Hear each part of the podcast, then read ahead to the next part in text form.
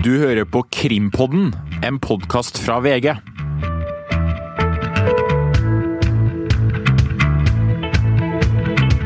En historisk dag i Borgarting lagmannsrett. Juryen mente at Eirik Jensen er skyldig i grov korrupsjon, men ikke skyldig i å medvirke til å innføre narkotika. Men fagdommerne var ikke enig og satte kjennelsen til side. Dette er Krimpodden i VG, og siste ordet i saken mot den tidligere politimannen Eirik Jensen er ikke sagt. Jeg heter Tor Erling Tømt Ruud.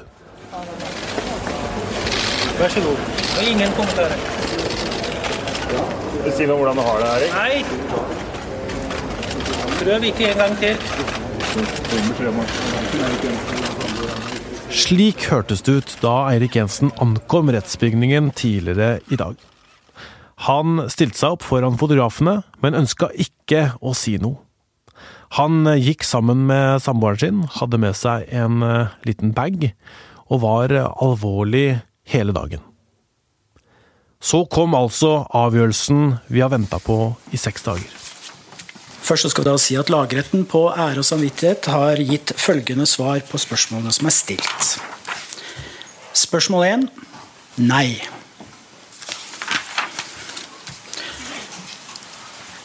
Spørsmål tre ja med flere enn seks stemmer. Spørsmål fire ja med flere enn seks stemmer. Juryen har sittet sammen og diskutert i seks dager, og de kom fram til at Jensen ikke var skyldig i å ha vært med på narkotikainnføring, men de sa ja til at han var korrupt. Men så satte fagdommerne dette her til side. Krimsjef i VG, Øystein Milli, hvordan kan du forklare det? Det er en mulighet de har. Eh, den er veldig liten, men man har da mulighet for å sette til side kjennelser som juryen kommer frem til, hvis fagdommerne enstemmig mener at det åpenbart er uriktig. Og Det gjelder eh, hvis de sier ja, eh, og det gjelder hvis de sier nei. Så det er ikke sånn at det bare handler om hvis de frifinner, men det er også hvis de feller noen som fagdommerne mener skulle vært frikjent. Så gjelder det begge veier. Så det er en mulighet de har, og det er for å ivareta da eh, en sikkerhetsventil, kall det det. Mange er kritiske til juryordningen. Eh, det sitter ti eh, legmenn og -kvinner i et rom og skal gjøre opp en oppfatning om veldig kompliserte forhold. Det er jo, nå har vi vært gjennom en veldig omfattende straffesak med enormt bevis og mye vanskelige vurderinger. og Da er det jo å ha den sikkerhetsventilen, og den benytta de seg da av til manges overraskelse. Astrid Mæland, kommentator i VG. Hvordan var stemninga i, i tinghuset dersom denne lagmannsrettsavkjennelsen kom? Ja, det var helt stilt. Det var sjåka fullt. Det var fullt i publikumsområdet. Eh, det var fullt av politi. Og når eh, jurylederen sa nei på det første spørsmålet, altså at eh, Jensen da var frikjent for hasjinnsmuglinga, så var det fullstendig tyst, og da var Eirik Jensen i et halvt sekund frikjent. Så svarte han ja og ja på de to neste spørsmåla. Og da var Eirik Jensen skyldig i grov korrupsjon. Mitt inntrykk var likevel at Jensen-leiren og Jensen sine forsvarere var ganske fornøyd med den dommen, som da varte i én time og et kvarter cirka. For da eh, samla jo dommerne seg på bakrommet, fagdommerne, og skulle diskutere dommen. I mellomtida så fikk samboeren til Jensen sagt at de kunne leve med dommen. Elden sa at dette er jo bare snakk om en klokke og en mobiltelefon og litt bad og sånn. Ikke noe problem, omtrent sånn, for jeg oppfatta det. De var glad, og selvfølgelig var de glad fordi de har fått 21 år i tingretten, og nå så de for seg maks ti års dom, ikke sant, som er strafferammen for grov korrupsjon. Og det vil jo bety, jeg vet ikke, Tor Erling, er det, seks år i fengsel eller noe sånt? Ja, ikke sant? Hvis du, hvis du trekker fra og, og sånn forskjellig. Så det, det tror at det er eh, forskjellen på 21 år og 10 år som eh, ja, spiller inn? Mindre enn 10 år òg. Eh, det er jo maks.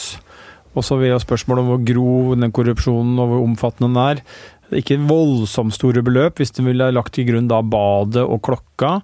Så jeg har jo tenkt at øh, kanskje man kunne fått redusert fengselsstraffen med, ned til en tredjedel. da, At man hadde kommet ned på kanskje mer òg, ikke sant. Ned på fem-seks Sju-fem år, seks-sju år. Ikke sant. Og så kunne man fått uh, framstilt det som uh, i hvert fall kvitta seg med at han, Jensen var en stor hasjsmugler, for det var nettopp det som er jobben til Eirik Jensen, å stoppe organisert kriminalitet. Han var sjef i politiet i hekkans mange år, og han skulle stoppe narkokriminalitet.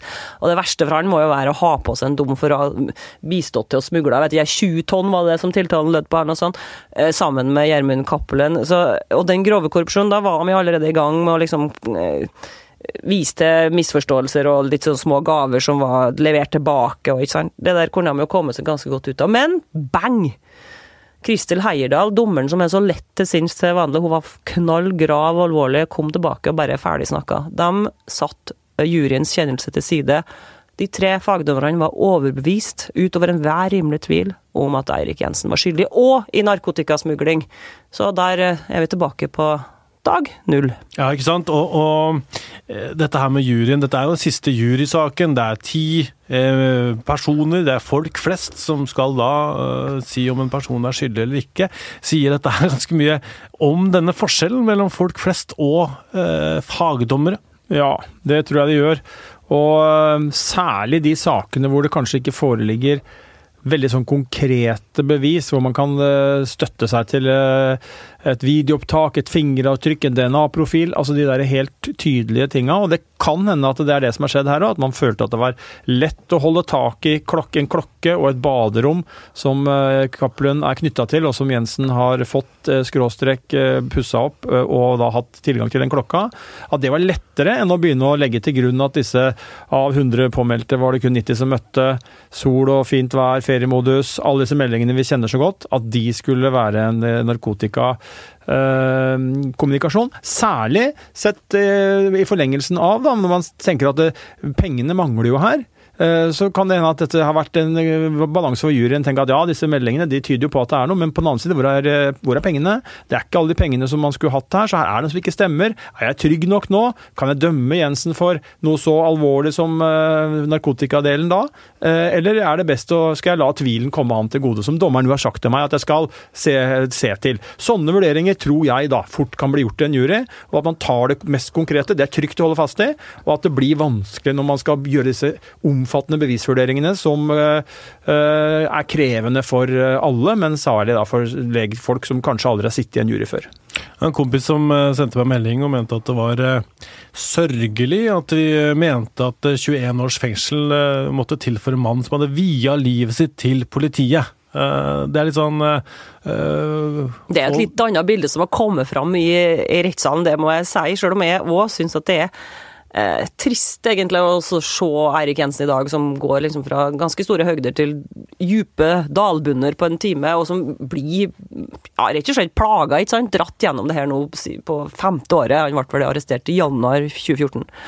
Men like fullt, altså, så er det jo et eh, litt annet bilde som har kommet fram i, retten, enn at det var en politimann som bare drev og tok og fakka tjuvpakk, altså. Fordi eh, Erik Jensen òg har jo gått langt i å innrømme at at ikke har vært verdens beste politi. Han har jo gjort egentlig etter hvert det meste feil. Han har jo uh, drevet med svarte penger. Han har jo brutt uh, politireglementet for informantvirksomhet helt altså enormt. Altså det, det, er nesten liksom komisk, akkurat det, fordi han har vært så moralsk i, i framhevinga av det samme reglementet. For det var jo nettopp han som skrev det, og der altså, mange ganger vi sett retten hvor han peker på hvor viktig det er å være to, og hvor viktig det er å ha notoritet og notere alt, og ikke bli for god venn med informanten. Altså, han visste alt. Han visste alle fallgruver, og det var han som sto og underviste politistudenter i det her reglementet, som han da eh, brøyt og brøyt og brøyt. og brøyt, og brøyt, Det, er, det er veldig mange som uh, sier akkurat det. og det Uten å ta stilling til skyld og ikke skyld her, men altså det som man kan stille seg spørsmål ved, da, er jo hvorfor det syns jeg er interessant. Når dette hasjinnbruddet, politiet, kommer kommer på skuddhold av eh, dette hasjligaen til Cappelen, og man eh, vet at det finnes et hasjlager. I den garasjen? Ja. Man fingerer et innbrudd, fjerner hasjen. Og politiet er da på, ikke sant. Eh, setter seg, og Jensen holdes utafor. Setter seg til å vente og tenker hva skjer nå? Blir det bevegelse i dette hasjmiljøet? Det gjør det. Blant annet Gjermund Cappelen reagerer. Det første han gjør er å ringe til Eirik Jensen. Og der har jo politiet da sikra kommunikasjon. Ikke på noe tidspunkt så finner Eirik Jensen det fornuftig å blande inn kolleger, varsle kolleger. Man kan tenke seg da at en politimann som får en sånn inngang, eh, ringer og tar kontakt med kollegene og sier hei, folkens, nå har vi en kjempemulighet her. Nå må alle mann på jobb. Nå kan vi få sprengt det der narkonettverket og rulle opp en kjempesak. Jeg har fått en inngang. Eh, skulle man jo tro. Det skjedde ikke. Og hvorfor ikke? Er jo et spørsmål som da eh, de som tenker at Eirik Jensen bare har via livet sitt til eh, det godes tjeneste, og at, han er, at det er Cappelen som har satt han i den situasjonen osv. Nå er Jensen dømt til 21 års fengsel i tingretten. Han er kjent skyldig i grov korrupsjon av en uh, jury. Og det er tre fagdommere som har sagt at han åpenbart er skyldig i narkotikaforbrytelser. Ja, så er det en jury som har sagt nei på det skyldspørsmålet, men der blir det altså en omkamp. Så tror jeg nok nå at for denne saken og det som skjer videre framover nå, det som har skjedd i dag, det kommer i hvert fall ikke til å dempe konspirasjonsteoriene. Det kommer ikke til å dempe uh, det, det tidvis hylekoret som da er på den linja at dette er, dette er, eh, det er jo de som eh, sitter høyere oppe i systemet, slipper unna nå. De ofrer Jensen som en slags uh, Han er et offer her. Uh, og at dette er Nå har Cappelen fått akkurat som han vil. så sånn sett så er jo den utgangen i dag, og at da dommerne tilsidesetter det som var en utgang som, Kappel, nei, som, Jensen kanskje kunne leve OK med. da. At det nå ikke skjer. Det kommer til å bli fyr på det bålet, altså. Det er jeg helt sikker på. Enig i det. Men også må vi huske på resultatet av det her arbeidet til Jensen, som var altså narkopoliti i Oslo, høyt opp i systemet. Han klarte aldri å avsløre at uh, hans nærmeste kilde, informant Gjermund uh, Cappelen, var storstilt narkotikasmugler. Og det må jo sies å være en, en tabbe, uansett. Selv om han ikke er ansvarlig for å, for å, å etterforske sine egne kilder, så skulle han ha lukta lunta hele tida. Så har han nekta for at han skjønte noe som helst. Og det er òg temmelig dårlig police work, vil jeg tro. Eh, så det er jo en del, det er, liksom, det er ikke svart-hvitt i bildet her, men samtidig så tror jeg nok at uh, han kameraten din er helt riktig, at uh, Erik Jensen har gjort mange bra ting. Og en av de tingene som jeg husker best, er jo at han tok kål på B-gjengen og den familien som sto bak. Gjengsakene husker vi jo godt for ja, tidlig ja, slutten av 2000-tallet. Ja, ja, og MC har han ja. jobba med. altså Det er jo ikke tvil, det er det jo ikke tvil om. at og, overfor for Gjermund Cappelen også har Eirik Jensen vært en, en, god mann som har tatt vare på Cappelen, gitt ham støtte og hjelp når han lå nede med rusmisbruk. Så kan man diskutere hvor smart det er en politimann å ta en tung kriminell hjem til seg, la han bo hjemme osv., men på et medmenneskelig plan så er det ikke vanskelig å si at det er Eh, en god gjerning. Eh, og der har, det er ikke tvil om at der har det vært eh, har Jensen gjort bra ting for Cappelen. Men så er jo spørsmålet da om ja, denne saken som da har veldig mange elementer. Om den, når man oppsummerer alle bevis og alle faktum, om den beviser da at Eirik Jensen både har vært korrupt og er skyldig i narkotikainnførsel, medvirkning til narkotikainnførsel, det blir det da nok en runde om. Og det tror vi jo er Og mye tyder på at det er siste runde. Det er sjelden en sak går tre ganger i rettsvesenet. Som regel så er det to fulle behandlinger og kanskje en da begrensa behandling i Høyesterett. Her så blir det da tre fulle runder. Og det siste som skjedde i dag, var at også da Gjermund Cappelen blir tatt med på det lasset, så han må også gjennom da en ny runde med full eh, bevisførsel. Alle vitnene, alle forklaringene. Nye runder med Cappelen Jensen i vitneboksen i ukevis. Eh, meldinger, penger, bad, klokker, uh, indisia og meldinger og spaningslogger og alt dette her. En gang til. Jeg snakka med en uh, manusforfatter, en som skriver uh, spenningsserier for TV. og Diskuterte dette med film, Eirik Jensen osv. Snakka om The Last Jury, den siste jury. Uh, hvordan er det å være jurymedlem i dag? Det må være ganske kjipt. De har sittet i fem-seks døgn og sikkert krangla, ikke sant. De Har ikke blitt enige. Det er ikke vanlig å bruke så lang tid, det er norgesrekord det òg. Uh, og så har han investert så mye tid og krefter på det her, og så bam, så bare tilsidesetter dommeren det. Men jeg syns at uh, selv om det er brutalt fra dommer, dommeren sin side, så syns jeg det er helt riktig. Fordi jeg syns ikke, ikke det var logisk. Altså, Gjermund Cappelen og Eirik Jensen har inngått i korrupsjon med hverandre. Altså, Cappelen har smurt Jensen. Han må jo ha smurt den for et eller annet Tiltalen henger sammen. eh, hasj, altså Det er jo pga. hasjinnførselen at han har smurt den, det er jo det som er poenget i, i tiltalen. Og hva skulle han ha smurt den for, hva, hvis det ikke er hasj og hjelper han med hasjinnførsel? Det er jo det som er mystisk her. Eh, hvis det hadde vært bare det at han hjalp han for- hjalp han med rusomsorg, eller sånn, så måtte- kunne de jo bare sagt det i retten. Det gjorde de jo aldri. Eirik Jensen sa vel sjøl at dette her var å spytte på, på juryen. Jeg skjønner jo at han framstiller det sånn. At det er akkurat det som Øystein var inne på, at nå vil de eh, kjøre videre på at eh, eh, de blir sparka og tenk på hva slags eh, katastrofe en frikjennelse ville vært for Spesialenheten for straffesaker og for politiet og norsk rettsvesen og Riksadvokaten. Altså Hoder ville jo rullet når de har dratt han eh, politimannen gjennom det her i to runder og skal eh, holdt på med den siden 2014. Så, ja. Men kan, kan det påvirke fagdommere i en sånn sak? Hva tror du, Øystein? At det, liksom, det er såpass mye prestisje i påtalemyndigheten der? Jeg tror ikke det, altså. Det er eh, erfarne altså Lagdommere er meget erfarne jurister som ofte har eh, vært eh, kanskje advokater eller påtale, jobba på påtalesida, og så blitt dommere. Og det er eh, folk som eh, har vært med på mange eh, ting, og som jeg ikke tror endrer seg etter et sånt hva de skulle utafor press, da. Tvert imot så tenker jeg at det at de nå har, har satt til side kjennelsen, det tyder jo på at de eh, står i stormen. Det kunne vært lettere å kanskje si at vi lar den bli stående og takk, takk for nå, men de har jo da valgt å ta den uh, mest kontroversielle uh, varianten, nemlig å sette den til side. Og det må vi jo snakke om på forhånd, at de er jo forplikta til å følge sin overbevisning, det er dommerne. Eh, De var overbevist om at eh, Jensen var skyldig, og da eh, er de jo nødt til det. Ja. De er ikke noe annet de kan gjøre. Det har de sikkert bestemt seg om på forhånd og snakka om på forhånd, og så fikk de jo det etter mitt skjønn litt overraskende dommen der det var delt, da. Ja og nei. Det var overraskende for meg, men de brukte jo faktisk en time og et kvarter på å diskutere det, så det gjensto jo nå, da. Så kom de inn, og bang. Ja, og jeg, jeg, jeg, jeg, kanskje ikke, jeg har tenkt at, og sagt også at det er en mulighet for å ja, jeg er enig at det ikke er logisk at man deler eh, sånn som juryen gjorde da, men i forlengelsen av det jeg sa i stad, så tenker jeg at det også kan være logikk i det. En indre logikk.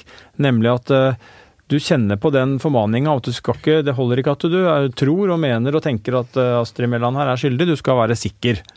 Opp mot 100 Og Og hvis man da har tenkt at denne korrupsjonen så er det lett å tenke at man har vurdert at dette badet, ja, det har uh, Cappelen eh, betalt for Jensen. Eh, og det finnes vi, det, vi legger disse bevisene til grunn for det. Kvitteringa og den, eh, at Jensen endra forklaring om denne Frank Olsen og alt det greiene her.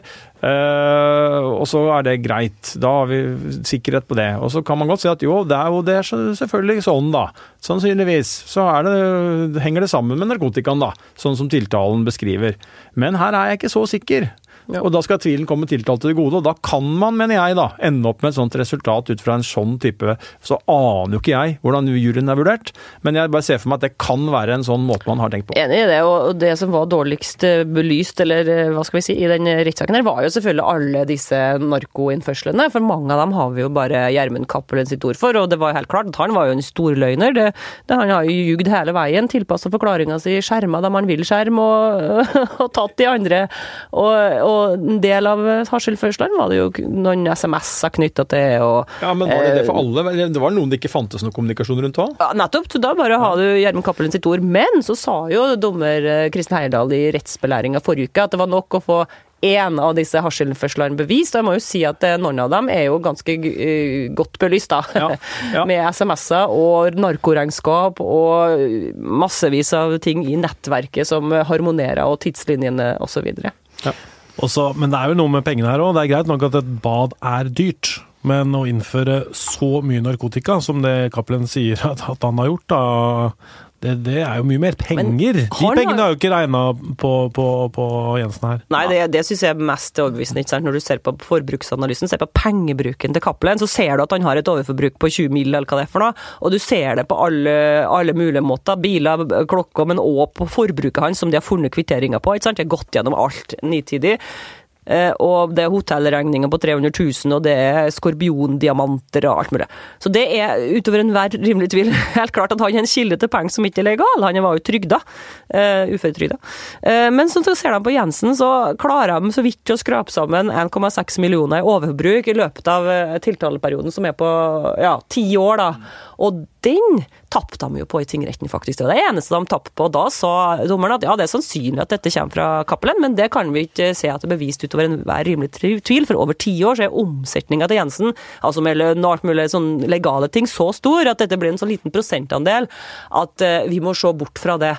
Så der tapte de, og det er jo det som er det svakeste. Og det er jo ikke noe som tyder på at Jensen har noe overforbruk i framtoning, i klær, i biler, gamle biler, han kjøper ting på Finn. Mm. Uh, og det er ikke noe penger i systemet, kvitteringa, ikke sant. Og da kan man jo tenke at kanskje juryen har tenkt at ok, begynte i andre enden, ikke sant. Ja, men uh, Cappelen sier jo at Jensen fikk 500 kroner per kilo, ikke sant? Ja, jeg skulle hatt 15 millioner, ifølge ja. Cappelen. Hvor er de pengene? Ingen steder. Nei. Hvorfor, uh, hva kan vi trekke ut av det? Kan det være at da Cappelen ljuger? Uh, ja vel. Og hvis han gjør det om pengene, hva da med disse meldingene? Altså, dette er jo sånn man diskuterer, og det som er uh, utfordringen til jurysystemet, da, som nå er uh, over, faktisk, når vi sitter her nå, så er det slutt. Det finnes ikke lenger. utrolig nok så fantes det for tre timer siden, nå er det borte. Mm. Men, men, det er jo at man aner jo ikke hvordan man har diskutert. Man aner ikke hvordan man har reflektert. Og det er ingen begrunnelse. Det er et ja og et nei, sånn som folk så på TV før i dag. Uh, og så er det Det er derfor det er så bra at den ordninga nå blir bort, for vi trenger jo den begrunna dommen. Altså dem ja. som blir dømt, er rett Mest for dem som blir dømt, eller altså, de må jo få vite hva det er. Og der kommer man inn på den filmen som jeg snakka om, da, ikke sant? Fordi at eh, man veit jo ikke så veldig mye om juryer opp gjennom tidene. Hvordan uh, disse har diskutert, og hva som har blitt sagt osv. Vi så jo noe fra, fra Orderud-saken, Øystein, som, mm. som, som, du hadde på TV nå, at mm. det var et par jurymedlemmer som sa litt. Det er, mm. liksom, det er ikke så ofte dette her skjer. Får vi, får vi noen gang vite vite hvordan de har diskutert? De skal jo ikke De har jo taushetsplikt rundt bl.a. stemmegivning. Eh, og det er jo ikke noe tradisjon for at jurymedlemmer snakker veldig mye om hvordan man har vurdert eh, bevis og hvordan diskusjonen har gått. Samtidig så drypper det ut noe. Alltids noen som føler at offentligheten har krav på å få vite litt. Heldigvis, vil jeg si. Eh, men det er, jo, det er, jo, problematisk at man ikke vet man kan bli dømt av Vi kunne ha sett at Eirik Jensen forlot tinghuset i dag med to eller fire ja. Og det ville betydd sannsynligvis samme straff som i lagmannsretten. Nei, som i tingretten. For det ville han ha fått svar på for noen uker, for da hadde disse fagdommerne og noen meddommere da satt fast, fastsatt straffen. Men her er jo ikke det så spennende. Det spennende her er jo om man er skyldig, ikke skyldig, for så gir straffen seg litt sjøl. Og da ville han forlatt tinghuset i dag, da, kanskje som en mann som var på vei mot 21 års fengsel, og hadde ikke ant hvorfor. Uh, og det det er, eh, det er jo problematisk. Og nå er jo det av den uh, juryordningen over, og da får vi begrunna dommer heretter, og det tror jeg er bra. Litt av en avslutning på juryordninga som du var inne på, Øystein. Altså at den siste juryen i Norge den ble altså tilsidesatt av dommerne. Og det er vel kanskje et, eh, to streker under svaret på at den ordninga eh, har gått ut på dato. Ja. ja. Sier man hvis man liker dommere. Hvis man eh, ikke liker dommere og ikke har tro på rettssystemet, så Altså Elden, som er forsvareren til Jensen, han satt jo i det utvalget som skulle vurdere om juryordninga skulle avvikles. Han er jo forsvarsadvokat. Du kan jo gjette hva han ville. Han ville jo at juryen skulle bestå. Og det er jo litt grann, eh, Jeg vet ikke om det er forskning på akkurat, men det er jo det er i hvert fall en saying om at juryen har en større grad av sjanse for å bli frikjent i juryen. Da. Det er jo litt logisk, ikke sant. Hvis du sitter og er Uh, jurist og har vært med da, vært ut og inn av rettssystemet, enten som dommer eller som Eh, forsvarsadvokat eller som påtalejurist, da, og så har du hørt den ene saken etter den andre, så har du hørt om folk som har løyet. Du har sett saker hvor folk kanskje har løyet over tid, og med ganske stor overbevisning, og så tilstår de plutselig. Og da skjønner du, dette, da skjønner du mekanismene. Du ser eh, hvordan dette foregår. Eh, Erling Havne, som jo var i retten i dag, som støtter Jensen, han benekta jo lenge han at han noen gang hadde vært i Stavanger på Nokas-ranet. Eh, og med ganske stor overbevisning prøvde han å framstille det på den måten, og så tilsto han jo. Og da får du et innblikk i at eh, hvordan man kan forsøke å ljuge osv. Og, og dette har jo, De profesjonelle aktørene ser jo dette på å si, daglig omtrent, mm. og vil ha en mer kritisk syn på det. Og si at ja, men dette henger jo ikke sammen. Og, og jeg har så mye erfaring for når ting ikke henger sammen, så er det fordi at det er løgn. Og er det løgn, så er det for at du ikke sant? Og så kommer du til den, eh, til den erkjennelsen der. Mens de som da eh, Jeg tror de som er kanskje utrente jurymedlemmer, de tar kanskje den der med tvilen, da. Hva er en fornuftig tvil? Jeg tror det rommet er mye større for dem enn det er for en durkdreven jurist som har sett uh, vitner og tiltalte komme og gå uh, i norske rettssaler i årevis, og løgner servert på rekke og rad, som jo ofte er hverdagen i en rettssal. Så, så, er det vel sånn at det er vel ikke helt fritt for likemenn i norske rettssaker lenger heller? Nei da, det blir jo fortsatt en overvekt av det, og det er et viktig og riktig prinsipp. Så Eh, det kunne fortsatt ha blitt eh, et flertall for å frifinne Jensen hvis eh, dette hadde vært en meddomsrett, og fire av de jurymedlemmene som nå ble avslutte arbeidet sitt i dag, hadde vært med da sammen med de tre fagdommerne. Så vet vi jo bare at de tre fagdommerne mente at det var overbevist om at han var skyldig, og så kunne de fire andre ha stemt at han ikke var skyldig, og så hadde han jo blitt frikjent likevel. Så, så det er ikke sånn at det er slutt på å ha påvirkning. Det skal være et flertall av uh, like menn og like kvinner, men, men man får da en slags Man mener at man får en mer kvalifisert og en bedre Eh, kvalitet på dommene. Da, at man har jurister med inn i rådslagningsrommet der hvor man avgjør skyldspørsmålet. For det er det som har vært utfordringa med jurysystemet, vil noen si. At man har Eh, sendt ti menn og kvinner inn i et rom eh, med da en sånn rettsbelæring som vi så på TV for noen dager siden, før helga. Eh, ingen mal, ingen kjøreoppsett hvordan vi skal gjøre dette her. Litt opp til hvordan juryen sjøl med juryformann, hvem er det? Har han eller hun erfaring fra før? Hvordan legges dette opp? Altså, det, og og så tror jeg, så tror jeg måtte, med, med, med, med, dagens samfunn, da altså jeg, når juryordningen kom, så var det jo mye vitner vitner, og det var jo mye mindre fravær av all den informasjonsmengden du har nå. Så jeg tror på en måte det òg har bidratt til at det er enda verre å, å sende en jury inn i et rom med fem-seks måneder med bevisføring. Enorme mengder med elektroniske bevis og sikra kommunikasjon. Eh, som gjør at det blir så komplisert at du trenger eh, profesjonelle eh, aktører til å kunne rådspørre deg med underveis. En, en, tegn fikk vi jo i rettsbelæringa allerede forrige onsdag. Da sa jo dommer Kristel Heierdal eh, in not so many words, men hun sa at eh, både Gjermund Cappelen og Eirik Jensen hadde løyet i, i rettsforhandlingene. Så hun spotta det ganske, ja. ganske klart. Ja. Eirik Jensen hadde med seg en eh, bag inn i rettsbygningen i dag. Hva tror du var i bagen? Hun så ikke, kanskje det var vektløft vektene til samboeren. Hun trener jo to ganger om dagen. Poenget var at han, jeg, tror det var, jeg tror det var toalettsaker. Ja. Ekstraskift. Mm. Uh, og jeg så jo også at han satte bort hunden sin før uh, nå. Uh, og jeg registrerer at Spesialenheten ved Forsvaret korsvei, ved tingretten, på spørsmål fra oss sa at eh, de hadde vurdert det med pågripelse ved en fellende dom med Riksadvokaten, og det var ikke aktuelt. Eh, vi stilte samme spørsmålet nå, eh, før juryens kjennelse. Da var det ingen kommentar.